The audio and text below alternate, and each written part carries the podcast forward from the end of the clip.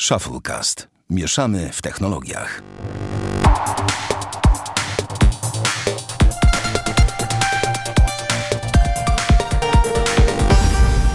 To szósty odcinek Shufflecast. Witamy serdecznie. Damian Pracz. Cześć wszystkim. Bartek Rogacewicz. Witam, dzień dobry. I ja, Sławek Agata. Panowie, y, ja jestem dzisiaj w wyjazdach, więc może być problematycznie, ale mam nadzieję, że nic po drodze się nie wydarzy. Natomiast, y, natomiast tematów dzisiaj multum i nie będzie telefonów. Praktycznie wcale. Kto by się spodziewał? Co nie? Szok i niedowierzenie. Niektórzy się bardzo cieszą, mam nadzieję. Ja też mam taką nadzieję. Gorąco pozdrawiamy. Wiadomo. E, panowie, wiecie, że tej nocy obok Ziemi przeleciała asteroida. I mogła nam. Już na... wiem. No właśnie, właściwie Wikipedia pisze, że to planetoida z grupy Apolla. Ja wszędzie słyszałem, że to asteroida. Pewnie znajdą się eksperci, którzy nam szczegółowo, mi na pewno szczegółowo wyjaśnią, jaka jest różnica. Mówię tutaj o, o planetoidzie, o asteroidzie o bardzo romantycznej nazwie 2012 TC4. I zgadnijcie w ogóle skąd pochodzi ta nazwa. No, odkryto ją w 2012 roku. Bardzo dobrze. A TC4 to pewnie jest układ, którym, do którego ona należy. Znaczy ja mam tu, że została zaobserwowana 4 października 2012, że można się domyślić, że nazwa jest powiązana z datą. To na pewno jest no, ona... TC?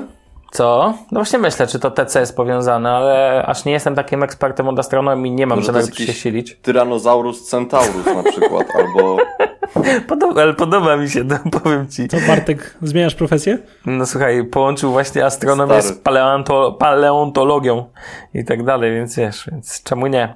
Ale panowie, wiecie, to e, planetoida, która przeleciała w odległości 47, 47 43 tysięcy bodajże od Ziemi w końcu, tam w, w tych granicach, Zresztą wrzucałem to na Twittera i można było ją zaobserwować już jakby na zdjęciach, raczej może nie satelitarnych, ale to jest, jeżeli dobrze kojarzy, to była, słuchajcie, jedna ósma, yy, jedna ósma odległości Ziemi od e, Księżyca, więc mówimy tu o naprawdę niedużej, inform, e, niedużej odległości. Dokładnie 43 780 km od Ziemi. I teraz patent. Czyli taką drugą Ziemię od Ziemi. A nie, czekaj. No nie, nie, nie. Nie, nie, więcej. Nie, i teraz słuchajcie patentu. Ta asteroida mogła mieć wielkość około do 40 metrów. A 40-metrowa to by było już całkiem nieźle źle pierdykłe, jakby to gdzieś tam trafiło. Wprawdzie nie mówilibyśmy tutaj o żadnej zagładzie ludzkości, jak to niektóre dzienniki, wiecie, typu fakt, leci asteroida i ten. Ale to pokazuje, jak e, to jest tak naprawdę ciekawy temat i moim zdaniem bardzo... Jak Ludzie... kruche jest życie ludzkie. O tak, i dinożarłów też było kruche i pewnie mieli obserwatoria astronomiczne, ale ten, ale się ale się kurczę nie, obroniły, nie obroniły. No i tak my powstaliśmy. Generalnie to taka ciekawostka astronomiczna, że była, leciała i sobie przeleciała i poleciała dalej. Tyle. W tym temacie za dużo tematu, żeśmy za długo na, te, na ten temat poświęcali. Mm, chcę powiedzieć o najlepszym e, komunikatorze, jaki w ogóle jest, o czym już nieraz mówiłem, czyli Telegram. Te Telegram. Uhu, używamy Telegramy na co dzień. W ogóle macie kogoś innego niż nasza grupa na Telegramie, czy no nie? mam. Ile masz, Dam, Damian, osób? E, przekabaciłem moją dziewczynę, o. co uważam za duży sukces. Mhm. Przekabaciłem mojego brata, co też uważam mhm. za duży sukces. No. I przekabaciałem jeszcze moich czterech znajomych, z którymi gramy w gry komputerowe, takich czterech, takich, których zawsze się z nimi spotykamy, żeby pograć. No. I teraz zamiast grupy na Facebooku, czy właśnie na jakichś tam, nie wiem, Whatsappach, czy innych dziwnych rzeczach, używamy sobie Telegrama. O, to fajnie. Więc to jest na... spoko. To naprawdę dobry patent. Um, Telegram jeszcze bardzo przydatną jest funkcją, zawsze to mówię, pisanie do samego siebie. Tak, też często z tego używam. Hmm. Używam, wrzucam sobie wiesz, jakieś tam, nie wiem, zdjęcia, czy jakieś notatki, czy cokolwiek, żeby nie zapomnieć i wisi, tak. wisi mi to wtedy w powiadomieniach i mam święty spokój. Pliki i tak dalej do półtora no, giga można wysłać. Dokładnie. A Telegram dostał teraz aktualizację, która pozwala na dwie rzeczy. Możecie wysyłać komuś drugiej stronie aktualizację lokalizacji na żywo waszej, jeżeli wiecie, do stalkowania idealne. E, no ale tak, no słuchaj, to ten i ulepszony player muzyczny I mam wrażenie, że Telegram stara się właśnie u, ulepszać takie drobiazgi, które jakby mają powodować jakieś, wiecie, malutkie poprawy i tak dalej, czytelności i przyjemności korzystania z tej aplikacji. Ja cały te czas... detale, te detale, taka wisienka na torcie. Taka wisienka na torcie. E, ja w ogóle czekam cały czas na jedną bardzo ważną rzecz, mianowicie na wprowadzenie rozmów grupowych, bo teraz są rozmowy tylko indywidualne, można dzwonić, ale jakby były rozmowy grupowe, to wiecie do czego by nam to służyło? Nie. No, no nie. tak, tak, dokładnie do tego. Nie. Do łączenia się. i Skype'a i Tak. Bartek, czemu cierpisz, że nie? Nie wiem, bo wy to zawsze lubicie jakieś takie... Wy jesteście takimi... Nie można was zaliczyć do hipsterów technologii, tylko bardziej takie na zasadzie jak se Nerdy. Nerdy technologii. Przesadzasz. Więc wiesz, oj tam, oj tam. Przesadzasz, przesadzasz. No ja wszystkim polecam Telegrama. Damian, czemu warto kupować bilety może nie inaczej. Czemu warto teraz kupować i w najbliższym czasie będzie warto kupować? Tak, czemu teraz i w najbliższym czasie warto kupować bilety? Bo teraz lotnicze? zaczyna się martwy okres w sezonie lotniczym, czyli mhm. jakby od końca września do połowy grudnia jest tak zwany martwy okres, mhm. gdzie nie ma ani sezonu, bo sezon skończył się z końcem września, ten wakacyjny mówię w sensie, a sezon świąteczny zaczyna się tak od połowy grudnia i trwa tak do połowy stycznia, potem jeszcze jest ten sezon feryjny i tak dalej. I teraz, mhm. jeżeli chcemy kupić bilet na przykład na dwa miesiące w przód, na półtora miesiąca, na miesiąc, to są dobre ceny. Teraz mhm. też są najlepsze ceny, jeżeli chcemy kupić bilet na styczeń, luty, marzec, kwiecień. E, I będą świetne ceny, y, które są organizowane corocznie jakby przez Emirates i Qatar Airways które te dwie linie pod koniec grudnia zawsze rzucają, e, albo na początku grudnia, zawsze rzucają świetne promocje. Na przykład loty do Bangkoku z bagażem w dwie strony za półtora tysiąca, a gdzie cena regularna jest koło trzech zawsze. Więc o. mamy naprawdę świetne obniżki. Oczywiście nie są to na wszystkie kierunki, tylko to jest często właśnie na Pekin, Bali, Bangkok, jakaś inna Indonezja, Tajlandia, do Australii. Ostatnio mój kumpel wygarnął z 2800 do Perth przez Dubaj. Jeżeli Też to jest tanio. Cena. No tak, bo do Australii normalnie po 3, 800, 4 to tak minimum. Mhm. No więc uważam, że to niezłe ceny są. Dlatego uważam, że teraz, jeżeli macie w planach polecieć gdzieś na ferie, na, mm, na święta może być problem, bo tu mimo wszystko linie lotnicze podbijają te ceny, jakby nie patrzeć. Ale jeżeli ktoś chce podlecieć sobie teraz na ferie, czy tam właśnie po feriach jakoś luty, marzec do takich e, krajów bardziej mm, tropikalnych, tak to Aha. nazwę, typu właśnie Bangkok, to, to zaczyna się właśnie najlepsza opcja na to. I mówię, tutaj jeżeli nie chcecie czekać do grudnia na Emirates i Qatar Airways, to polecam e, na przykład Aeroflot, te, teraz e, Ukrainian Airlines wbrew pozorom, bo dobre ceny mają, e, Air France, bardzo dobre, dobre ceny ma KLM i Lufthansa. No, to tyle ode mnie. Okej. Okay. Wiesz, ja to mam problem, żeby kupić bilet na Ryanaira za 39 zł. Tak, wiem, ta... wolisz, ta, wolisz się tarabanić pociągiem 6 godzin. Tak, ponieważ ja się cykam latania, więc wiesz, więc yy, dla ja mnie w ogóle to Bartek musimy kiedyś tak wziąć tego Sławka pod rączkę, ty z jednej, jest z drugiej strony. Chodź Sławku, chodź. Jak do samolotu go zaprowadzić. Chyba za rączkę, przy, przy jego wzroście to za rączkę. Nie, no bo za rączkę to się wyrwie i ucieknie, lepiej pod rączkę. No, pod rączkę, bo mnie wystarczy lekko podnieść do góry, obydwa jesteście wyżsi, tak, już nie będę sięgał, będę tylko tak nogami przebierał w powietrzu, że ta, jeszcze, pa, pa, pa go, jeszcze będziemy go nosić, ta. O, dokładnie, do, lektyk, do lektyki. Jak papieża. No, aż tak źle ze mną nie jest, no. Jest, wiesz, ja, ja jak to było, mam właściwe BMI, tylko jestem za niski. Więc wiesz, dobra. E, nie wiem, czy mam, nie wiem, czy coś tu powinienem dodać, tak właściwie myślę, czy coś więcej ten. Bartek, chcesz coś dodać w kontekście ten kupujesz bilet do PERW za 3200? Nie, ja za 2800. kupiłem bilety w jedną i w drugą stronę za 120 zł. A to... Jeszcze raz? Czym? A czym lecisz? Ryanerem? E, Ryanerem. To całkiem dużo. Zł? To dużo. No. no ale takie były w internecie, no nie było innych. No tak, rozumiem. człowieku. Nie no, no zapłacił takie, bo w danym momencie były takie, tak? No to nie, za no, 7... zapłacił tak, bo tyle było na, na ten weekend, no ale to tak za, 7, za 7 na przykład A gdzie to powinienem kupić? Ten... Słucham? A gdzie powinienem kupić? Znaczy często to jest takie, zależy na danym terminie na przykład, że znaczy na weekend są z reguły najdroższe, to na pewno, ale jeżeli na przykład zależy, na danym terminie, to często na przykład lepiej, jak zaznaczę sobie tam powrót i przylot, to często lepiej na przykład zaznaczyć sobie, jak wylot, tak, tak system Ryanaira działa, z czego co zauważyłem przez internet. Jeżeli chcesz wlecieć przykład w piątek, chcesz przylecieć z Gdańska do Warszawy, to zaznaczyć sobie datę ramową od wtorku już, a jeżeli chcesz wrócić w niedzielę, to zaznaczyć sobie datę ramową na przykład w czwartek. Bo wtedy on jakby najdroższe ceny wrzuca w tych y, przedziałach na samym początku tej przedziału ramowych. Tak to działa, strasznie to jest głupie i wiem. Y, I, no ale tak, tak, tak, tak ten system działa przez internet Ryanaira. Czekaj, ja nie kumam. Patrz, jeżeli chcesz kupić bilet sobie, że chcesz w piątek przylecieć, a wlecieć w niedzielę, to lepiej y, to na stronie Ryanaira, jak będziesz kupował bilet i go sobie szukał, to nie zaznaczaj sobie mhm. ten daty, że chcesz przylecieć w piątek i wylecieć sobie w niedzielę, tylko zaznacz sobie na przykład, nie wiem, od wtorku do przyszłego czwartku. Aha, I potem rozumiem. sobie ten termin skrócisz, bo często wtedy Ryanair wrzuca w te daty ramowe, które sobie zaznaczysz jako graniczne, wrzuca naj, najdroższe bilety. A czy to nie jest Urban, Le Urban Legend? Taki to, o e, czym nie mówisz? Wiem. Nie wiem. W sensie, że to jest takie, tak, że wszyscy tak mówią, że tak jest, to jest na zasadzie, jak usiądziesz na zimnym, to dostaniesz wilka. Bo, bo nie, też, nie, wiesz co, te, słyszałem też, prawda.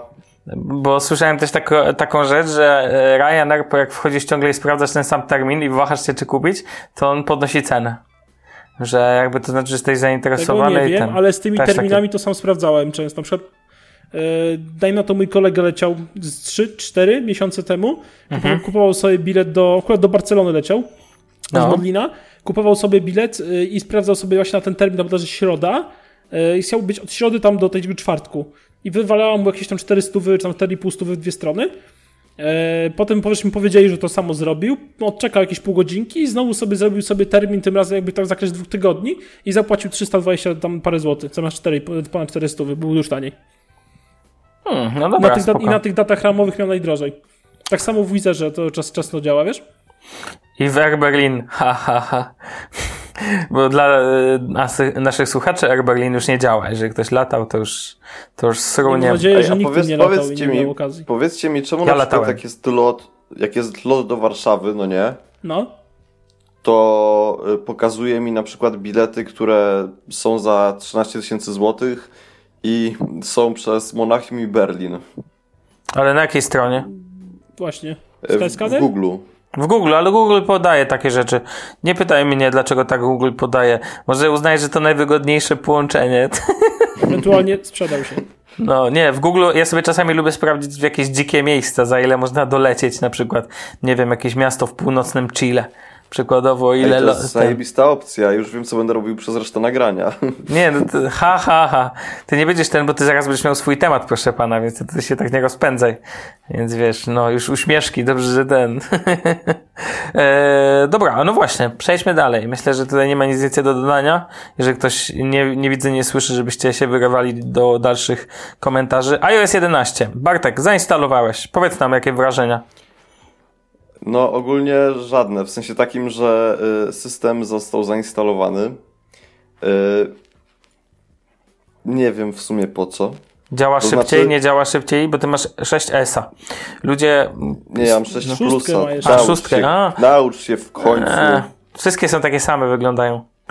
Tak, tak, tak. No ale w każdym razie, y, no mam sobie tego 6 plusa z iOS 11 nie widzę różnicy w działaniu, w sensie w prędkości działania.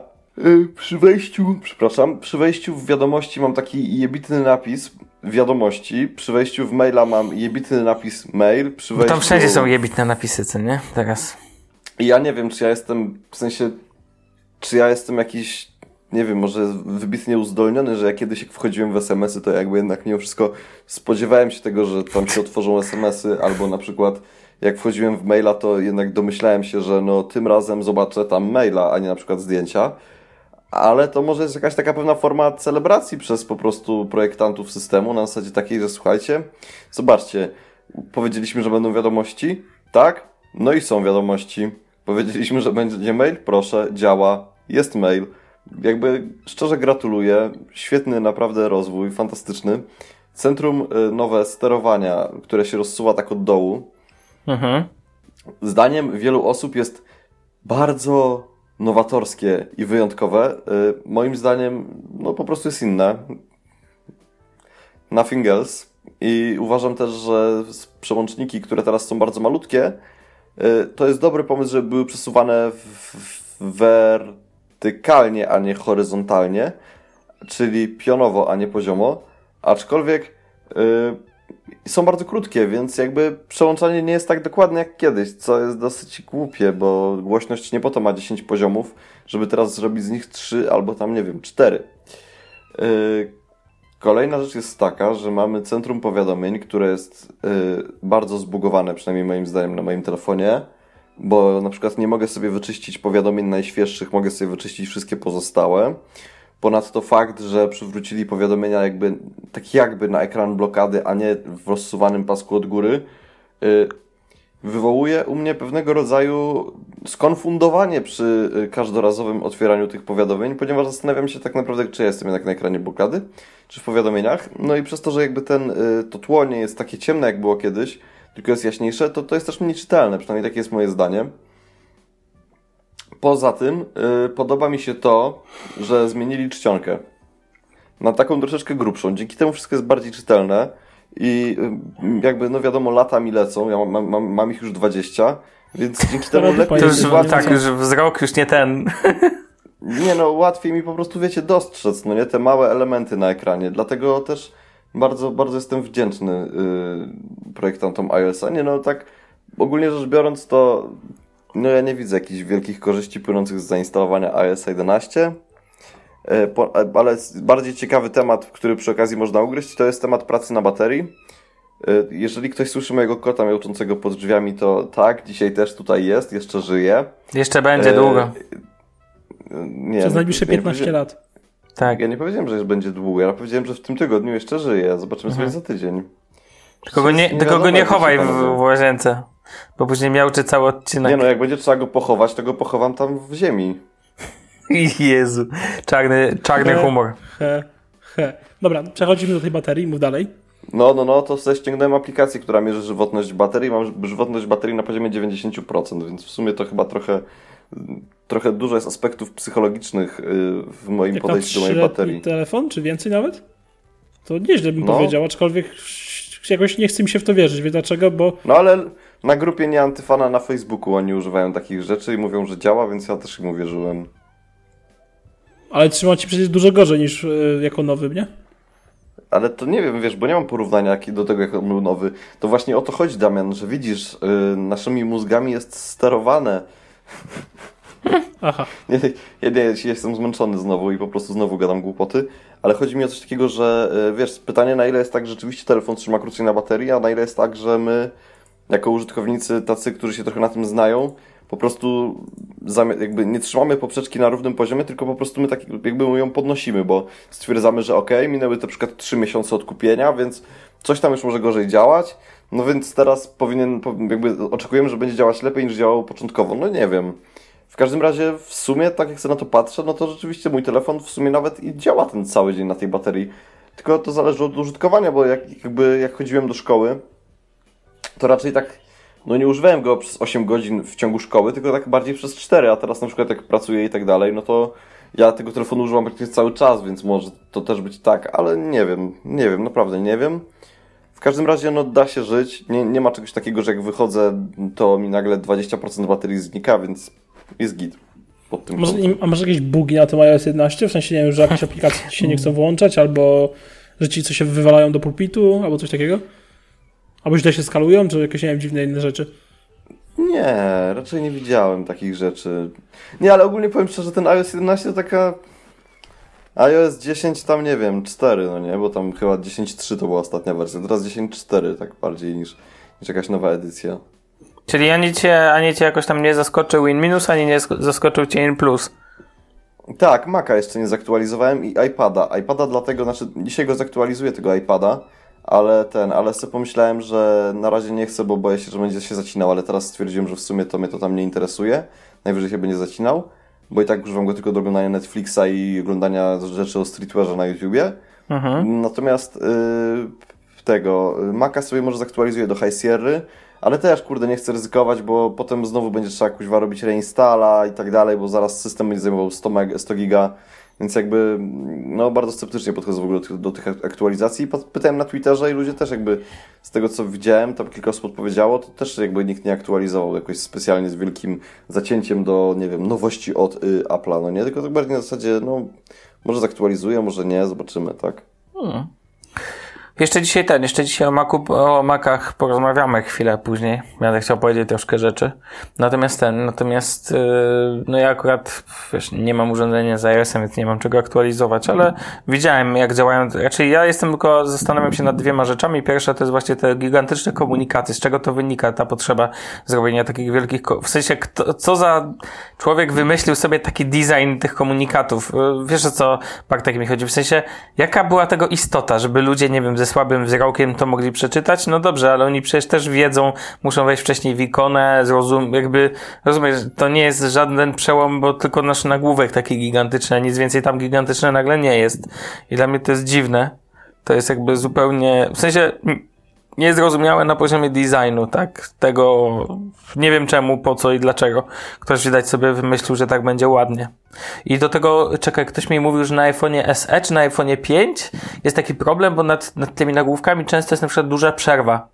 I to wygląda jeszcze gorzej, no bo... tak, no u mnie też, no u mnie stary, u mnie wyraźnie widać, że pomiędzy tymi y, przyciskami funkcyjnymi na górze spokojnie zmieściłby się ten jebitny tytuł, który jest na dole. Więc no. nie rozumiem, po co jest drugi rządek, który jest na dole, no nie? A wiesz, a ty masz jeszcze duży ekran będzie tak naprawdę. X. Pewnie to samo, w sensie tyle, ile dadzą radę to przenieść. Ciekawe, kiedy będzie iPhone X.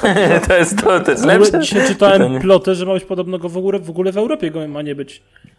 O, Ale to pewnie jakaś plota, nie? Nie, no to że, pewnie plota. Na samym no. początku ma go nie być w Europie, że przez pierwszy tam miesiąc, dwa sprzedaży ma być tylko w Stanach i w Azji, a w Europie ma przyjść dopiero jakoś w grudniu. Nie no, Matko Bosko, to polskie serwisy, e, e, serwisy technologiczne przecież tego nie przeżyją. No Jesus, to jako... Przemek jako nie... Pająk nie przeżyje.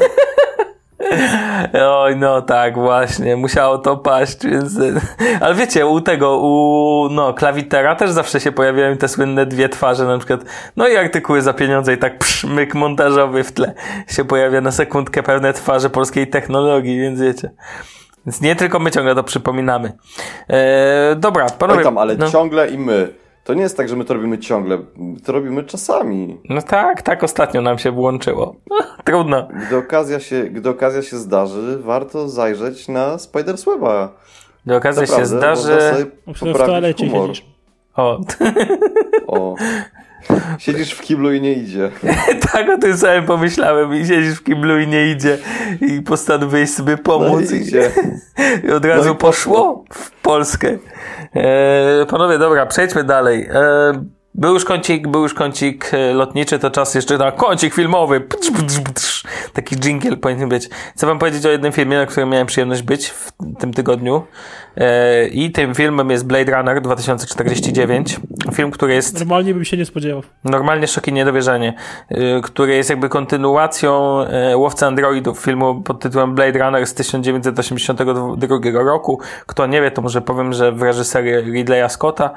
Tym razem Ridley Scott brał udział w produkcji e, Łowcy Androidów. Ja tutaj nie jestem ekspertem, nerdem, że tak powiem, żebym aż tak szczegółowo o tym opowiadał, ale powiem tylko tyle, że e, tym razem wyreżyserowany został nowy Łowca Androidów, właściwie Blade Runner 2049, bo taki jest tytuł, e, przez Denisa Villeneuve'a. Denisa Villeneuve'a, którego możecie kojarzyć z filmu Nowy Początek. Czy ktoś z Was widział Nowy Początek? Czy mówię do totalnych ignorantów? Tak się upewnię. Nie, nie widziałem. A, okej. Okay dobra, to wam wybaczę. Ale ja nie jestem totalnym ignorantem, ja obejrzałem wszystkie komedie romantyczne. Gratu i, bar i bardzo ci gratuluję. Natomiast panowie, jeżeli szukacie czegoś dobrego do, na pójście do kina, ale macie trochę czasu, bo film trwa prawie 3 godziny. E, Blade Runner? Blade Runner 2049 trwa 2 godziny 40 tam 3 minuty i tak dalej. To ja mogę bardzo polecić, ale nie do końca za fabułę, ponieważ wszyscy oceniają bardzo wysoko. Widziałem recenzję kin kinomaniaka, Artura Pietrasa Kinomaniaka na tym, na, to jest człowiek, który się wywodzi w ogóle z telewizji e, i on na przykład ocenił na 9,5 na 10 ten film. Ja go oceniłem na 7 na 10, bo o ile bo ile e, film jest taki sobie wizualnie, e, nie wizualnie, tylko fabu fabuła dla mnie jest taka sobie, nie wciągnęła mnie jakoś strasznie, to jest to wizualny majstersztyk, absolutnie, po prostu są niesamowite efekty, niesamowite, to nie jest takie tanie CGI, tylko po prostu widać, że tutaj troszkę takim oldschoolem wieje, jest tak przygniatający klimat futurystycznego, futurystycznego świata. No niby to jest rok 2049, dlatego, że pierwsza część odbywała się, uwaga, w roku 2019, to taka ciekawostka, że zbliżamy się do tej daty.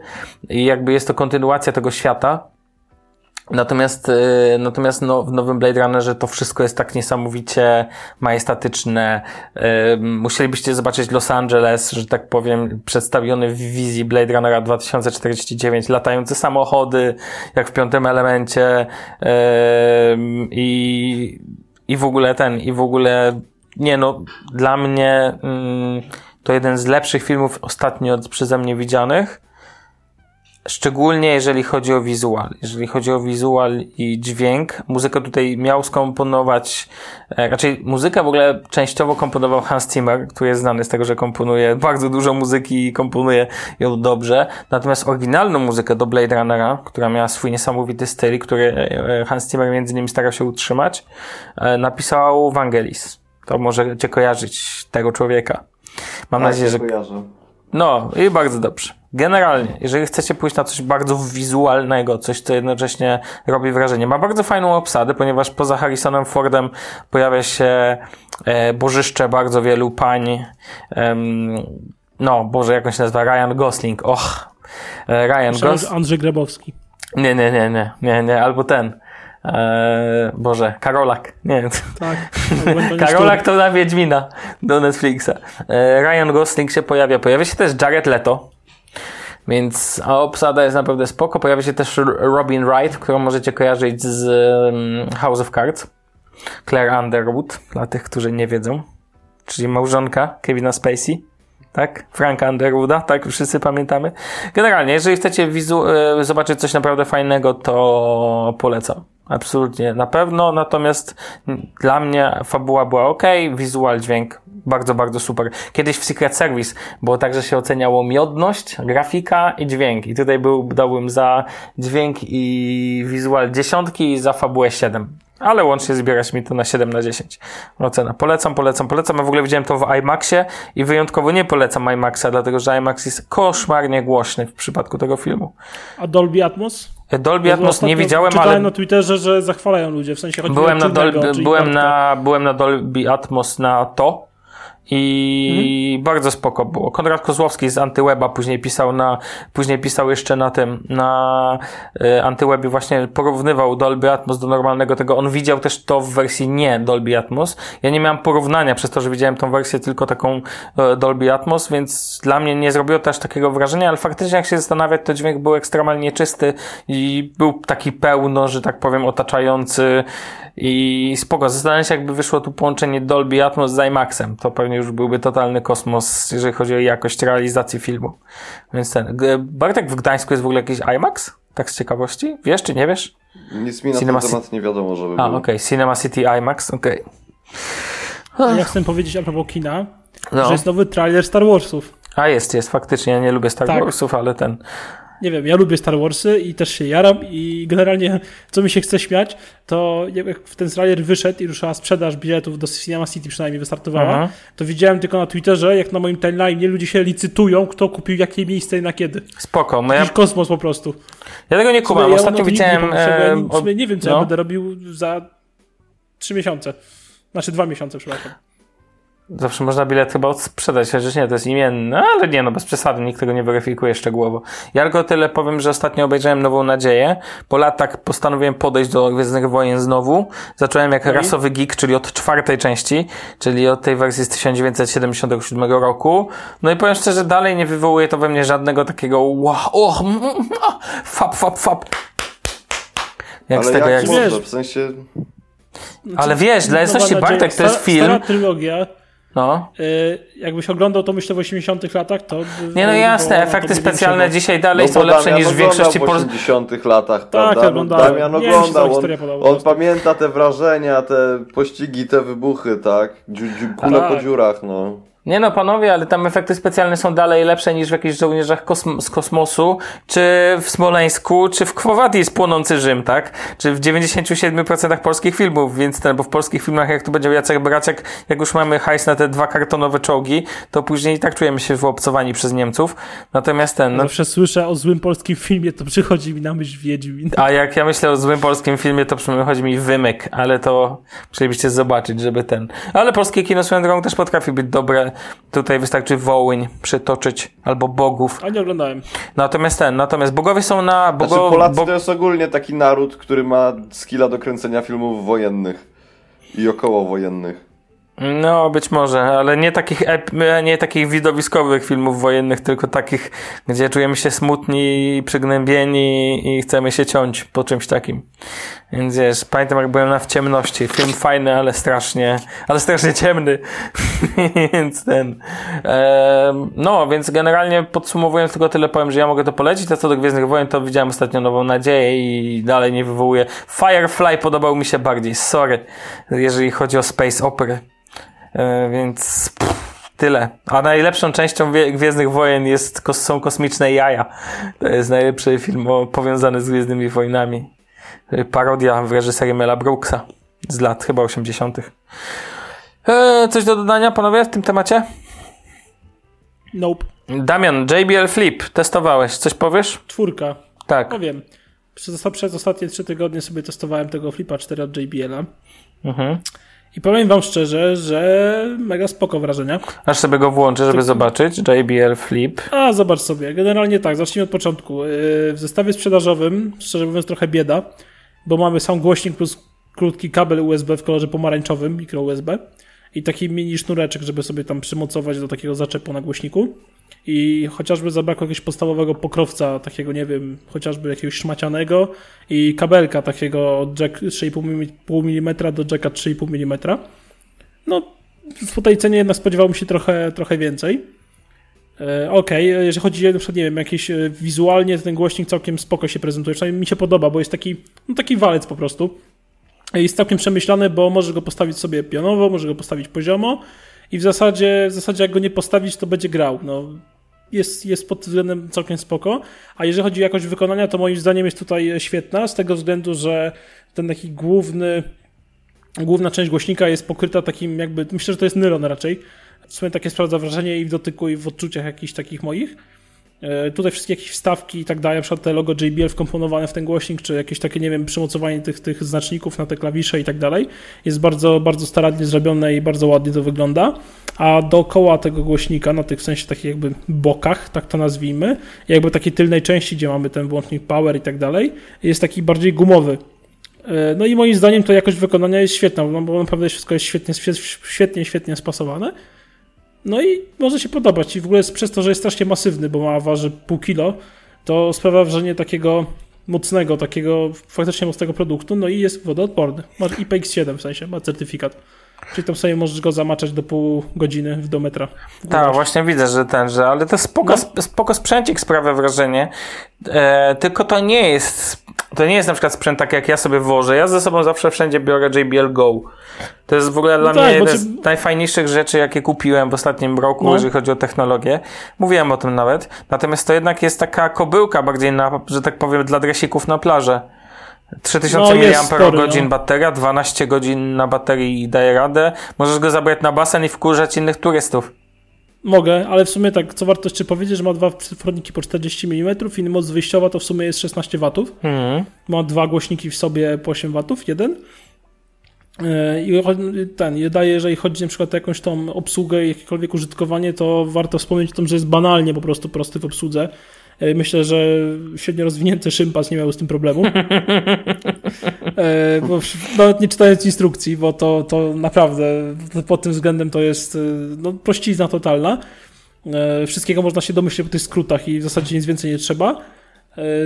I tyle. Fajne w ogóle tak, ta zaślepka, co jest, zaślepia ten port jack 3,5 mm z mikro USB, to jest strasznie ciasno wchodzi, w sensie, że ciężko ją podważyć i ją wyjąć jakby, żeby mhm. dostać się do tych portów, do tych złącz.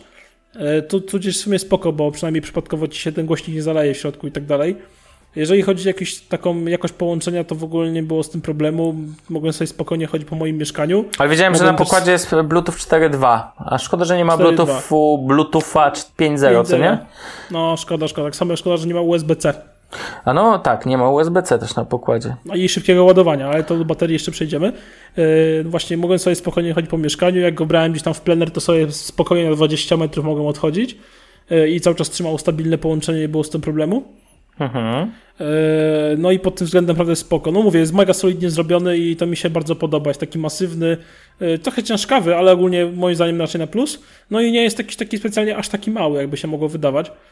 Mm, ale aczkolwiek, no to jest jednak, znaczy w porównaniu na przykład do Charge 3, też od JBL-a jest sporo mniejszy, ale właśnie takiego JBL Go to, to, to jednak no jest różnica. A ja na przykład, jeżeli chodzi o jakość dźwięku, to moim szczerze mówiąc, to, to, mnie, to mnie zaskoczy bardzo in plus. Jest bardzo taka charakterystyka basowa. Ale to jest taki, ten bas nie przytłacza tych wszystkich innych pasm, jest taki raczej, czuć, że jest jakby wybija się ponad te pasma, ale ich nie przytłacza, co jest bardzo w porządku. E, I dźwięk jest bardzo dynamiczny i ma taki mm, rozmach jakby, wiesz, nie jest taki stłumiony, nie? Znaczy ten nasycenie jakiegoś dźwięku jest bardziej takie rozrywkowe i tudzież moim zdaniem ten głośnik nadaje się raczej do właśnie takiej muzyki rozrywkowej e, dla tych ludzi, którzy słuchają jakiegoś takiego, wiesz, e, takiego popu, jakiegoś dance'u, techno, tudzież jakiś, nie wiem, rockowy, do rocka też się nada, ale z jazzem, z jazzem może mieć troszeczkę problem. Mhm. Bo tam się troszeczkę zlewało. Średnica jest troszeczkę wycofana, ale ogólnie jest spoko. E, wokale, wokale nie są, nie zlewają się, nie są przytłumione, są fajnie wyeksponowane, to oczywiście też na plus. E, da się usłyszeć fajną scenę i separację e, instrumentów w jakichś rockowych kawałkach i tym podobnych. To, to też mnie mega zaskoczyło, bo się nie spodziewałem, szczerze mówiąc, po tym, po tym głośniku tego w ogóle. I to, to w sumie tyle. No i oczywiście te wysokie tony też, też są bardzo w porządku. I tu jeszcze jedna ważna rzecz, taka, że przy głośności takiej powyżej 90% da się słyszeć taki minimalny przester na niektórych kawałkach, albo na takie rozjeżdżanie się y, muzyczne. Ty to... jakby, głośnik, jakby głośnik chciał więcej, ale y, sam głośnik całościowo chciał więcej, ale te głośniczki, co są dwa razy po 8 W wbudowane, już więcej nie mogły. Wiesz o co chodzi? Mhm. A ty to testowałeś, y, testowałeś sobie to, w sensie tą głośność? Testowałem sobie głośność. Współczuję sąsiadom, tak. Ech. Cał... Całkiem głośny pewnie głośnik jest pewnie. Nie, ja się zdziwiłem, on spokojnie jakiś salon taki 30-40 metrów na głośnik, to nie ma z tym problemu, bo ten mój pokój ma, mój pokój ma, ja wiem, góra 20 metrów, tak między 18-20 bym ustawiał. I powiem Ci szczerze, że był, no, był cholernie głośny. Dzisiaj taki, się zdziwiłem. No, dzisiaj taki dobry głośnik Bluetooth może Ci zastąpić po prostu całą wieżę, ustawiasz go w dowolnym pokoju, masz i wtedy no robisz imprezę, tak? wszystko... W... No może, jasne. E, jeżeli chodzi o baterię, to tutaj się najbardziej zaskoczyłem, bo generalnie przy takim maksymalnym odsłuchu, takim oraniu e, maksymalnej głośności, to spokojnie wytrzymuje powyżej 11 do 12 godzin nawet, mhm. bo pożyczyłem głośnik e, tego mojemu, mojemu znajomemu, który pracuje w plenerze kazałem mu, żeby chodził cały dzień, wiesz, na maksymalnych obrotach, bo w mieszkaniu niestety nie miałem jak tego robić. I generalnie on y, mucił tym głośnikiem przez cały dzień i właśnie powiedział, że jak odmierzał na stoperze, jak go włączył rano, to wieczorem wskazywał stoper 11 godzin 41 minut mhm. od, od stwarzania muzyki. Więc muszę mu zaufać, bo niestety nie miałem możliwości w mieszkaniu tego sam sprawdzić, no bo wiadomo. E, ale na przykład jeżeli chodzi, sam na przykład używałem go na maksymalnie w mieszkaniu tak mniej więcej na 3 czwartych skali głośności E, no i to słuchałem różnie i to i podcastów trochę z tego leciało i muzyki to 13,5 godziny nawet wyciągnąłem, jak sobie tak zliczałem potem wszystkie czasy, bo sobie zapisywałem. E, a maksymalny, taki maksymalny, maksymalny czas, jaki udało mi się wyciągnąć, to jest 15 godzin, gdzie głównie słuchałem podcastów i to było głośność mniej więcej w okolicach 60%. To, du- Czyli według to mnie dużo bateria już. mega, mega przyzwoita bateria jest, naprawdę. Mhm, w ogóle głośniczki te przenośne wszystkie od JBL moim zdaniem są zawsze dobrym strzałem. Mam wrażenie, że wizualnie wyglądają jak całkiem znośnie, a jest taka dobra linia, w sensie, że są od najtańszych typu tam Go, czy tam jest jeszcze ten Clip, czy jakoś tak, po, tak. po właśnie takie troszkę większe jakieś i tak dalej. Naprawdę spoko. Flipy, Charger na tego Extrema. Nie mówię, żałuję, że nie ma tego USB-C i żałuję, że nie ma szybkiego ładowania, bo 3,5 godziny, jaki czas trzeba poświęcić, żeby go naładować, to trochę przegięcie. Okej, okay, ale do, do, do, czego uważasz taki głośnik tej wielkości może być przydatny? Y, według mnie. Znaczy no. ja bardzo sobie ceniłem, ogólnie bardzo lubię głośniki mobilne z tego względu, że ja sobie go, go brałem, szedłem do kuchni, stawiałem go sobie w kuchni, odpalałem Nexusa 7 jakiś film i sobie, wiesz, yy, zmywałem naczynia, nie? Tam bez problemu. Tam mhm. przez Nexusa puszczam sobie takie audio jakieś, no to wtedy jak tam, wiesz, to woda i tak dalej, no to trochę jednak y, to zagłusza. No taki głośniczek sobie stawiasz za Nexusem albo koło Nexusa czy gdziekolwiek i hej. No ja też tak robię, tylko z tym mniejszym wszystko gołem. nie słychać. Idziesz do łazienki, zrobić, nie wiem, się oporządzić rano czy coś, no to masz, nie wiem, te 15-20 możesz sobie też tak robię, tak. Muzyki, ale zastanawiam się, czy do tego jest potrzebny taki duży głośnik, o to mi chodzi. Nie, mi się wydaje, że nie, bo przed takiego jak przed spaniem też często sobie właśnie puszczałem jakiś podcast czy muzykę, no to stawiałem go na parapecie i było też spoko, żeby wiesz. E, ale moim zdaniem, jeżeli ktoś użytkuje typowo domowo, że chce go tak przenosić, nie wiem, z kuchni do łazienki, z łazienki do sypialni, z sypialni Aha. do salonu czy gdzieś tam, to taki go spokojnie wystarczy. To nie ma sensu czegokolwiek więcej używać. Jeżeli ktoś natomiast chodzi mocno w plener, jakieś grille, ogniska, no tak. E, nie wiem, e, uprawianie jakichś sportu na drążkach, tak, jakieś, nie wiem, wyciąganie, rozciąganie, podciąganie się i tym podobne, jakiś crossfit, i chce sobie gorszego w plecaku położyć, który będzie pod tymi barierkami i będzie mucił na ten cały park, no to spoko. Wiewiórki, do, tego, się Wiewiórki pouciekają okoliczne, Jesus. To wiesz, kim się, wiesz dla kogo to głośnik? Dla Bartiego, żeby mógł na wszystkie swoje melanże mógł zabierać. Co nie, tak. Barti? E, tak, jeszcze dla ludzi, którzy też pracują w plenerze, nie pracują no. na budowie, e, to też myślę, że spoko, bo mogą sobie tam, wiesz, nie przymocować go gdzieś, to właśnie, że jest wodoodporny. Głośnik na budowę, i... dajemy propsa. No, no słuchaj, no teraz każda budująca się budowa musi mieć jakieś audio, tak? I tam Żeby przez twoje oczy zielone, zielone, oszalałem. To, to się nie zmieniło, to nie jest tak, że to nie, teraz. Mówię, do użytku typowo domowego to jest bez sensu, ale jeżeli ktoś dużo użytkuje w plenerze, potrzebuje czegoś takiego, to jak najbardziej polecam. No dobra. To myślę, że będzie świetny zakup. Bartek, coś mówiłeś, ja cię nie usłyszałem, to powiedz że nagłośnienie na budowie to nie jest teraz warunek, tylko to jest od lat warunek i jakby Oczywiście, że tak. kiedyś było tam z radia, a teraz można przez bluetooth, ale ja myślę, no, że a teraz radio... ten głośnik może sobie z tyłu do paska przyczepić, sobie chodzić i wszędzie mieć muzykę, a nie tylko tam, gdzie radio sięga, nie? No właśnie, no tak. Dobra opcja, dobra opcja. A... No i kosztuje 479 zł, tak znalazłem tak. w takim sklepie. Najtańsza cena w takiego normalnego sklepu. E, no tak. Sporo trochę. No tak, ja widzę na tym, ale... na Xcomie za 489. Sporo. Przy takim, no jestem ciekaw, szkoda, że nie można zrobić porównania. Jaki kolor miałeś? Czarny? Czerwony. A, czerwony.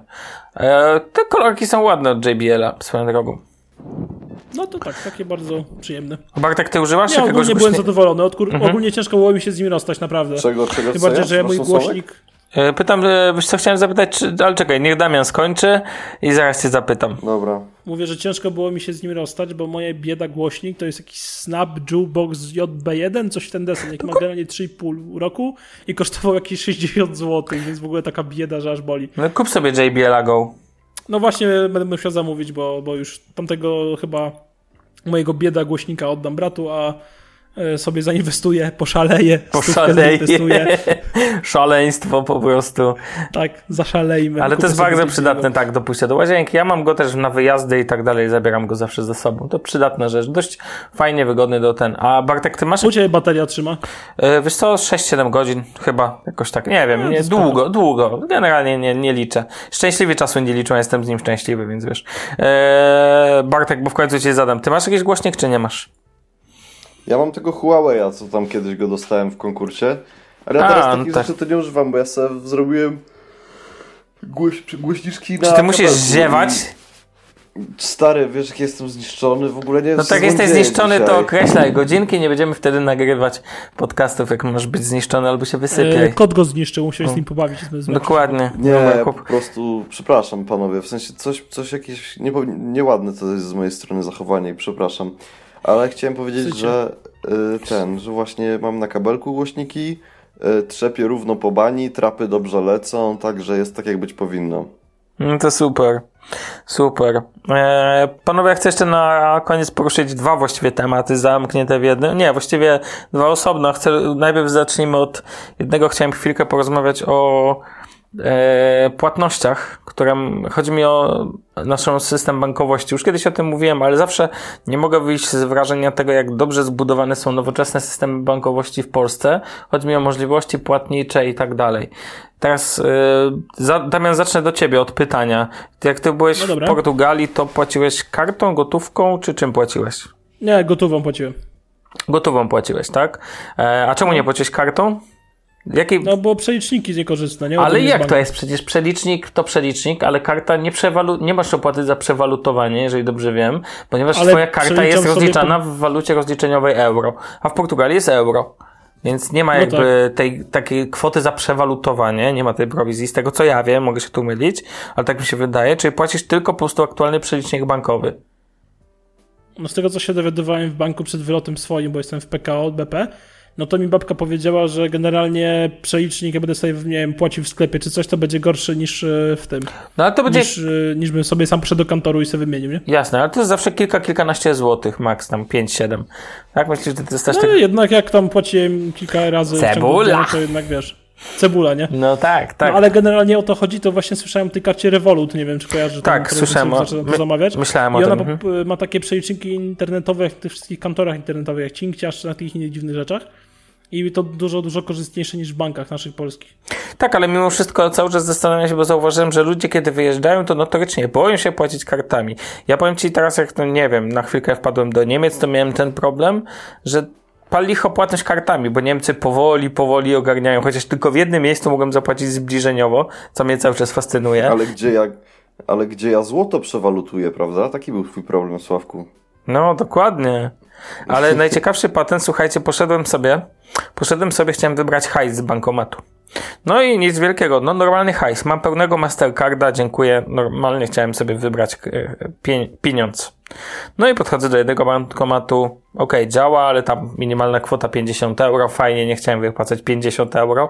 Taki bankomat. Poszedłem, e, banknotów. Poszedłem, słuchajcie, do Euronetu. Znalazłem Euronet. I oczywiście Niemcy mają ten swój system standardowy płatności EC tam mm, Electronic Cash to jest bodajże skrót od tego.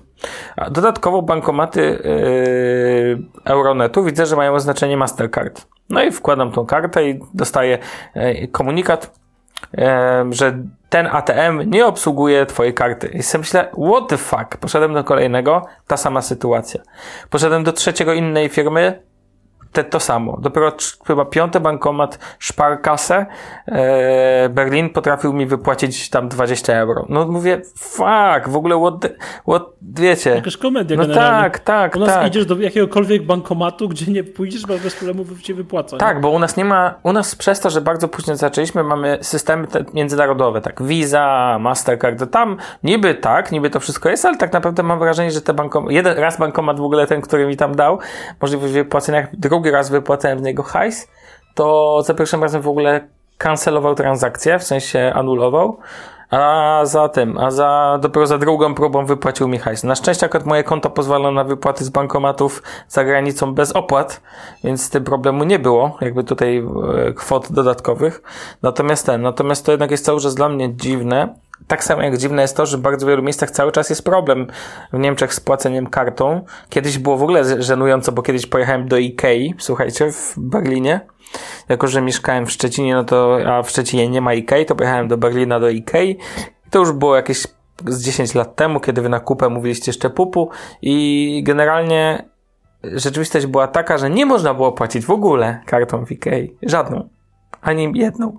To było dla mnie szokujące, nie będę ukrywał. I no ale okej, okay, to już się na szczęście zmieniło. Mam nadzieję, bo dawno nie byłem w niemieckiej bo po co? Ale ten, ale generalnie mam wrażenie, że my jesteśmy dużo bardziej do przodu niż się wielu osobom wydaje w tym temacie. Też czytałem o Holandii Belgii, że tam znowu jest w jednym kraju jest problem z Mastercardem, w drugim kraju jest problem z wizą. I wiecie, w jednym tu wypłacicie z bankomatów albo zapłacicie kartą danej y, organizacji y, płatniczej, a w drugim kraju, wiecie, odwrotnie, tak? I nagle się okazuje, że tu jest problem, tam jest problem. Jak w portfelu nie masz, wiecie, plastików twardych typu kredytówki i to też nie zawsze pomaga i to najlepiej obydwu dużych organizacji płatniczych, to możesz się w pewnym momencie, że tak powiem, pocałować klamkę, co najwyżej nie zapłacisz. I My tak naprawdę o tym nie pamiętamy, ale w takim szerokim kontekście uważam, że warto na to zwracać uwagę i warto przed wyjazdem gdziekolwiek sprawdzić chociaż w dwóch tych, jak to dokładnie jest, no chyba, że bierzemy gotówkę. Tak? No to ten, bo te, te, też często jest tak, że pojedziesz gdzieś i ciężko jest wypłacić swój, swoją walutę. No akurat pole, złoty nie jest najważniejszą walutą świata, może jest trzecią czy czwartą od kiedy wstaliśmy z kolan. Natomiast ten, natomiast yy, Chociaż niedługo na pewno wyprzedzimy dolara i euro i będziemy już najważniejsi, ale póki nimi, tak, nie, jest, mhm. póki nimi nie jesteśmy, no to też może być z tym problem. I ja zwracam uwagę tylko na to, że nieważne gdzie jedziecie, czy to jedziecie, lecicie, czy to będą Niemcy, czy to będzie Islandia, czy to będą Stany, czy to będzie Kambodża. Radzę zdecydowanie zawsze sprawdzić tego typu rzeczy, takie, takie, które się wydają ten, jak ostatnio rozmawiałem z kolegą, który bardzo dużo podróżuje, to on mówi, że w podróżach najważniejsze są najprostsze rzeczy, bo o nich najczęściej zapominamy. Szczególnie te, na których nam zależy, nie wiem, ubezpieczenie medyczne, tak? O, co zrobić w sytuacji, że gdzieś wyjeżdżasz i masz kwestię tego, że coś ci się stanie, tak? To takie rzeczy trzeba dbać. Już nie chcę tak popadać w wielkie te, ale tak tylko chciałem powiedzieć o tej jednej kwestii. Coś do dodania? Nie widzę, nie słyszę? Nie widzę, nie słyszę, zgadza się. E, Dokładnie tak. No, myślę, że tak. To taki manifest, który wygłosiłem, pod którym się można podpisać obydwiema łap łapkami, co nie? Chciałem wam powiedzieć o komputerze. Moim zdaniem najlepszym komputerze, teraz takie mam wrażenie na koniec, że moim zdaniem to jest cały czas najlepszy komputer mobilny, jaki jest. I jest problemem zarówno dla firmy, która go stworzyła, jak i dla innych firm. A chodzi mi o MacBooka Air. Uważam, że nie ma lepszego komputera na wyjazdy. Pomijając fakt, że nie lubię macOSa, nie lubię jakby systemów ten, ale nie mogę nie powiedzieć tego, że uważam, że MacBook Air jest największym obecnie problemem komputerowym firmy Apple. Tak mi się czasami wydaje, ponieważ jest tak dobry, że to jest trochę jak Windows XP kiedyś był. Jest tak dobry, że mam wrażenie, że ja na przykład nie miałbym nigdy potrzeby jego zmiany i do niektórych zastosowań jest to najlepszy komputer na świecie. Jest najbardziej, teraz powiem wam, jakby będąc jakby w podróży, uważam, że zarówno mogę na nim pracować zupełnie służbowo, tak jakby, tak jak powin, tak, że tak powiem po Bożemu mogę wykonać wszystkie najważniejsze rzeczy. Da się na nim nawet zmontować film, jakby ktoś potrzebował. Ma niesamowitą wydajność baterii. To muszę powiedzieć, po, ten komputer mnie po prostu zaskakuje. Nieważna jaka specyfikacja. Nie wiem, Bartek, jak u ciebie na twoim MacBooku Air, bo ty masz Era. Nie, też masz jest, Pro. Też jest dobrze. Ja mam Pro i też jest dobrze z, teraz z działaniem na baterii. No, albo po prostu to jest nie do zajechania i czasami nie mogę w to uwierzyć. No. Mam wrażenie, że współczesne Maki, obecne te wiesz wszystkie, nie mają już tak dobrych wyników, bo jak czytam te recenzje ekspertów i to ludzi, którzy lubią Maka, nie wiem, Wojtka Pietrosiewicza i tak dalej, to widzę, że tam jest trochę narzekania, że mm, trochę krócej, no niby tam deklarują 12 godzin, ale kończy się na 8 i tak dalej. A tutaj tak naprawdę bateria nigdy mnie jeszcze nie zawiodła. I ile, ile w ThinkPadzie moim bateria to jest żenada, wstyd, żenada, hańba, kompromitacja i to jest jego największa wada. Tak w MacBooku Air szybkość, cisza i taka kultura pracy baterii względem systemu jest czymś niesamowitym. I po prostu ten komputer jest ekstremalnie wygodny, ekstremalnie lekki. No, wizualnie ma tam swoje drobne wady. Ja na przykład nie lubię tego całego aluminiowego wykończenia, bo przez to jest zawsze zimny, kiedy jest zimno i ciepły, kiedy jest ciepło. Ale generalnie Moim zdaniem to jest ekstremalnie wygodny komputer i na poziomie wydajności takiej basic use to jest ten. Jak sobie myślę o tym Pixelu, e, Pixelbooku, o którym e, Bartek ty ostatnio mówiłeś, że w kontekście ten, to ja wolałbym kupić MacBooka Air z jakiejś tam wcześniejszej generacji. Mm -hmm, Mniej mm -hmm. bym mhm. zapłacił, a miałbym więcej tak naprawdę. I jeżeli lub, lubicie czy nie lubicie MacBooka Air, e, czyli macOSa, to niezależnie od tego muszę tutaj powiedzieć, żeby być sprawiedliwym, że jest to jeżeli bym komuś polecał komputer na wyjazdy, taki do wygodnej pracy, do pisania tekstu, tu jest w ogóle świetna klawiatura podświetlana, bardzo dobre głośniki, w ogóle to jest szokujące. Komplet złączy, czyli wszystkie najważniejsze złącza i ktoś powie, no tak, ale tu jest USB-A i tak dalej. Ale to bardzo dobrze, bo to jest cały czas złącze, które jest, wiecie, zawsze jest to standard, cały czas jeszcze standard i tutaj nikt do tego USB-C by się pewnie przydało, ale jak go nie ma, to świat się nie zawali. A dla odmiany jest złącze kart SD, jest kochane przez wielu MagSafe, tak? Więc jakby w MacBookach Air, tam w tych wszystkich, wiecie, ostatnich wydaniach i tak dalej, to naprawdę to komputer, do którego się nie można przyczepić. Bardzo dobry gładzik, ładny design, e, sensowna podświetlana klawiatura, normalna, a nie jakieś tam, wiecie, wymysły typu haptyczne i tak dalej, cuda nie widy. I moim zdaniem... Touch bar. Tak, touchbar, to wszystko jest ten. Dałbym jeszcze tylko dotykowy ekran, bo powiem wam, że to jest naprawdę świetna rzecz i wszyscy się z tego, znaczy wszyscy aplowcy się z tego śmieją, a moim zdaniem to jest jedna z przyjemniejszych rzeczy do, do jakby do przewijania stron i tak dalej, a to jest totalna popierdóła. I moim zdaniem to jest problem w jakiś sposób Apple, dlatego że oni woleliby, żeby ludzie kupowali nowe komputery, a nie patrzyli na starego MacBook, na stare MacBooki Air. Tymczasem wchodzisz, nie wiem, do kawiarni w dużych miastach i cały czas moim zdaniem, jeżeli chodzi o komputery Apple, to dominuje MacBook Air. Tak na poziomie wizualnym, w sensie wiecie o co mi chodzi, jakby takiego użycia na co dzień. I nie wiem, czy nie macie tego takiego wrażenia, że jakby te kompy, czy to są cały czas że to powoli będzie stawało się dla Apple problemem, tak? Że stare komputery, bo nie każdy jest fanem. To, że ktoś kupuje... Będzie, tym bardziej, że wiesz, no. że Apple nie, nie tego olał aktualizację tego MacBooka, nowe procesory, mhm. bo tam chyba on siedzi na szóstej generacji Intelu, tak mhm. mi się wydaje, tam 6200 tam 200 bodajże. E, ale chodzi mi też o to, że dzięki temu, że ma nieaktualizowanych podzespołów, cena jeszcze fajnie spada, bo często można na jakiejś promocji go wyrwać za 3600 na przykład. Tak, masz sztukę 128 giga. 8 giga RAMu e, i często właśnie ludzie, którzy chcą zacząć swoją przygodę od, z iOS-em, wybierają właśnie Era. Tak, bo jeżeli nie masz oczekiwań na poziomie ja bym, jeżeli szukasz czegoś do, takiego, do, raczej zmontować możesz. Ja nie będę tutaj zarzucał, że na tym się kąpie nie da. Używając szczególnie softu od Apple można spokojnie, bo ja na, na premiera to bym się tu nie silił, delikatnie rzecz ujmując. Natomiast na softach Apple to pewnie by to poszło. Nie, nie, tam tylko Final Cut, to, to nie ma No właśnie, opcji. Final Cut chociażby. A czekaj, iMovie też myślę, żeby, wiesz, do podstawowego zastosowań. No ale tam... iMovie to jest niższy lot niż Final Cut, stary. No tak, ale okej, okay, ale, ale, co to zmienia jakby? No to dalej by szło, tak? Czy nie szłoby? No posz... Zadam Ci takie pytanie. Poszłoby na MacBook Air? No w iMovie? Tak. No ale Ojeny, ale iMovie musi iść na MacBooku Air, dlatego że to jest podstawowe oprogramowanie do robienia wideo za darmo od Apple. No tak, dokładnie, więc mówię, żeby jakby do takich podstawowych zastosowań, nie tylko do Final Cut'a, ale ten by się wystarczyło. Do podstawowych zastosowań pewnie jakiś Pixelmator i tak dalej też by spokojnie tutaj bez problemu działał. Ja nie, jakby nie, nie jestem tutaj ekspertem od e, softu ten. Ja powiem wam, że pracuję na Chromie i tak bateria daje radę, więc moim zdaniem jakby Jesus, ten komp jest naprawdę zaskakująco wygodny. Nie wiem, nawet mi się podoba to, że ma długi kabel e, ten zasilania, a jednocześnie on nie jest zbyt upierdliwy, bo nie jest taki, wiecie, to nie jest grubaski jak e, Microsoftowe rzeczy, e, raczej Microsoftowe, w sensie do komputerów typu Lenovo, Asus, Acer i tak dalej.